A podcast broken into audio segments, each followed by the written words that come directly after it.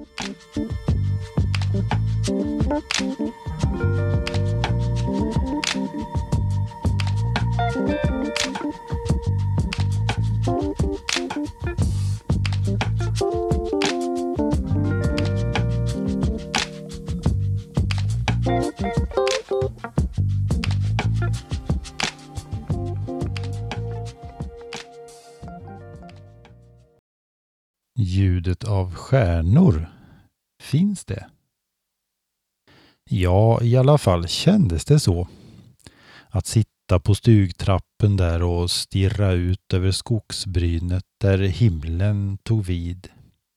Några få granar viskade en kvällsvisa i vinden. I en hage bortom skogen gick några kor och småpratade, kanske om lite ditt och datt. Ljudet, det var som bomull, som honung och välklingande musik i mina öron.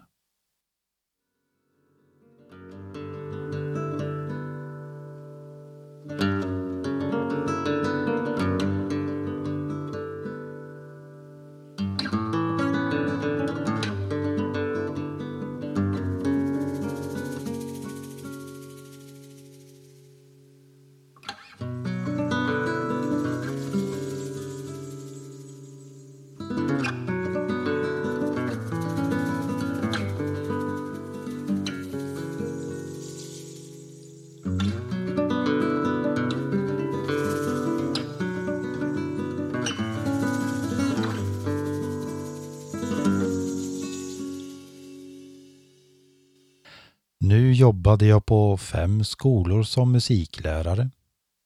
400 elever per vecka. På kvällar och helger sjöng och spelade jag med nya bekantskaper. En eh, ungdomskör i byarna runt omkring blev en av de nya utgångspunkterna för skapande och musicerande. Där i Vänga, Börta, Långared och lo. Ljudet av mjölkmaskin, fodervagn, traktorer och motorsåg upptog så småningom fler och fler timmar av min fritid. En barndomsdröm stod där och pockade på uppmärksamheten och jag gav den en liten chans. Men så dök frågan upp. Eh, vi har ett rack med diverse ljudgrejer.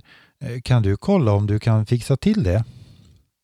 Och ja, ja, jag gjorde lite småfix. Vet inte om det blev så mycket bättre, men ändå. Jag ville försöka.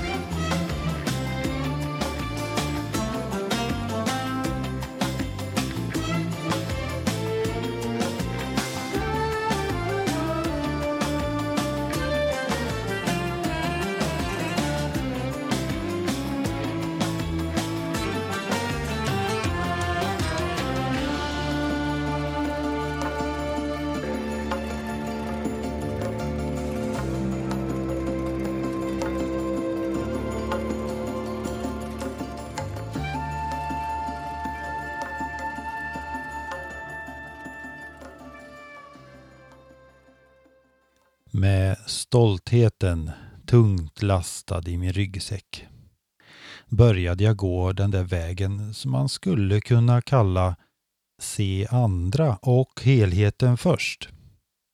Det var inte lätt. När man tror sig ha alla svar, veta vad som är det rätta, så får man lite skavsår när man ska slipa av det som tränger och gnager. Tillsammans med en eh, bonde i trakten, vi kan eh, kalla honom eh, Mats, och en snickare som får heta Jonas spelade vi piano, bas, trombon och gjorde allehanda körprojekt tillsammans. Människorna som fanns med i de här sammanhangen med allt från körsångare, mötesledare och fikafixare. De stod med bägge fötterna på jorden och blicken riktad mot himlen. Men så var det det där med hur det skulle låta. Hur det skulle fixas. Hade jag inte lärt mig mer? Jag tog åt mig att ordna med en det ena och en det andra. Just ja, det var ju det där med arbetet också. 400 elever som ska ha sin undervisning så en onsdag eftermiddag i oktober kände jag mig lite febrig och trött. Jag sa till min chef att nu går jag hem. Jag vet inte riktigt när jag kommer tillbaka. Jag åkte till mina föräldrar och la mig och sov. Två dygn i sträck.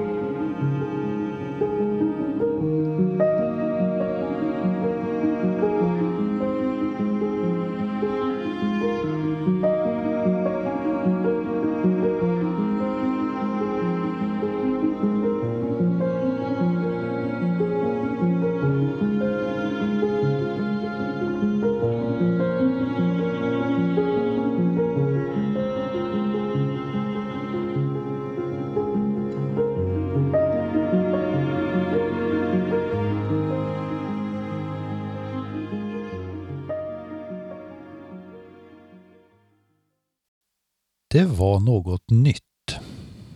Något jag inte trott kunde hända mig. Efter att ha återhämtat kroppen från det värsta for jag tillbaka till mitt lilla hus där i Västra Götaland. Satte mig i soffan och läste, sov, åt, sov en stund igen. Så småningom efter några dagar tog jag mig till och med ut ut i skogen. Gick kanske hundra meter till eh, närmsta stubbe. Satt och glodde ut i ingenstans, trodde jag. Men kanske var det själen jag började söka efter där med blicken. Och ja, nog hjälpte mig träden, mossan och de tusenåriga stenarna att svagt skymta något även om det inte kunde beskrivas. Då eller kanske senare. Det dröjde ett halvår innan jag var tillbaka i arbete igen. Det var mycket som skulle återfinnas eller lämnas bakom eller tas upp, byggas upp. Människorna runt omkring mig där jag bodde hjälpte mig och lärde mig att åter finna en livets stilla men ändock energifyllda lunk.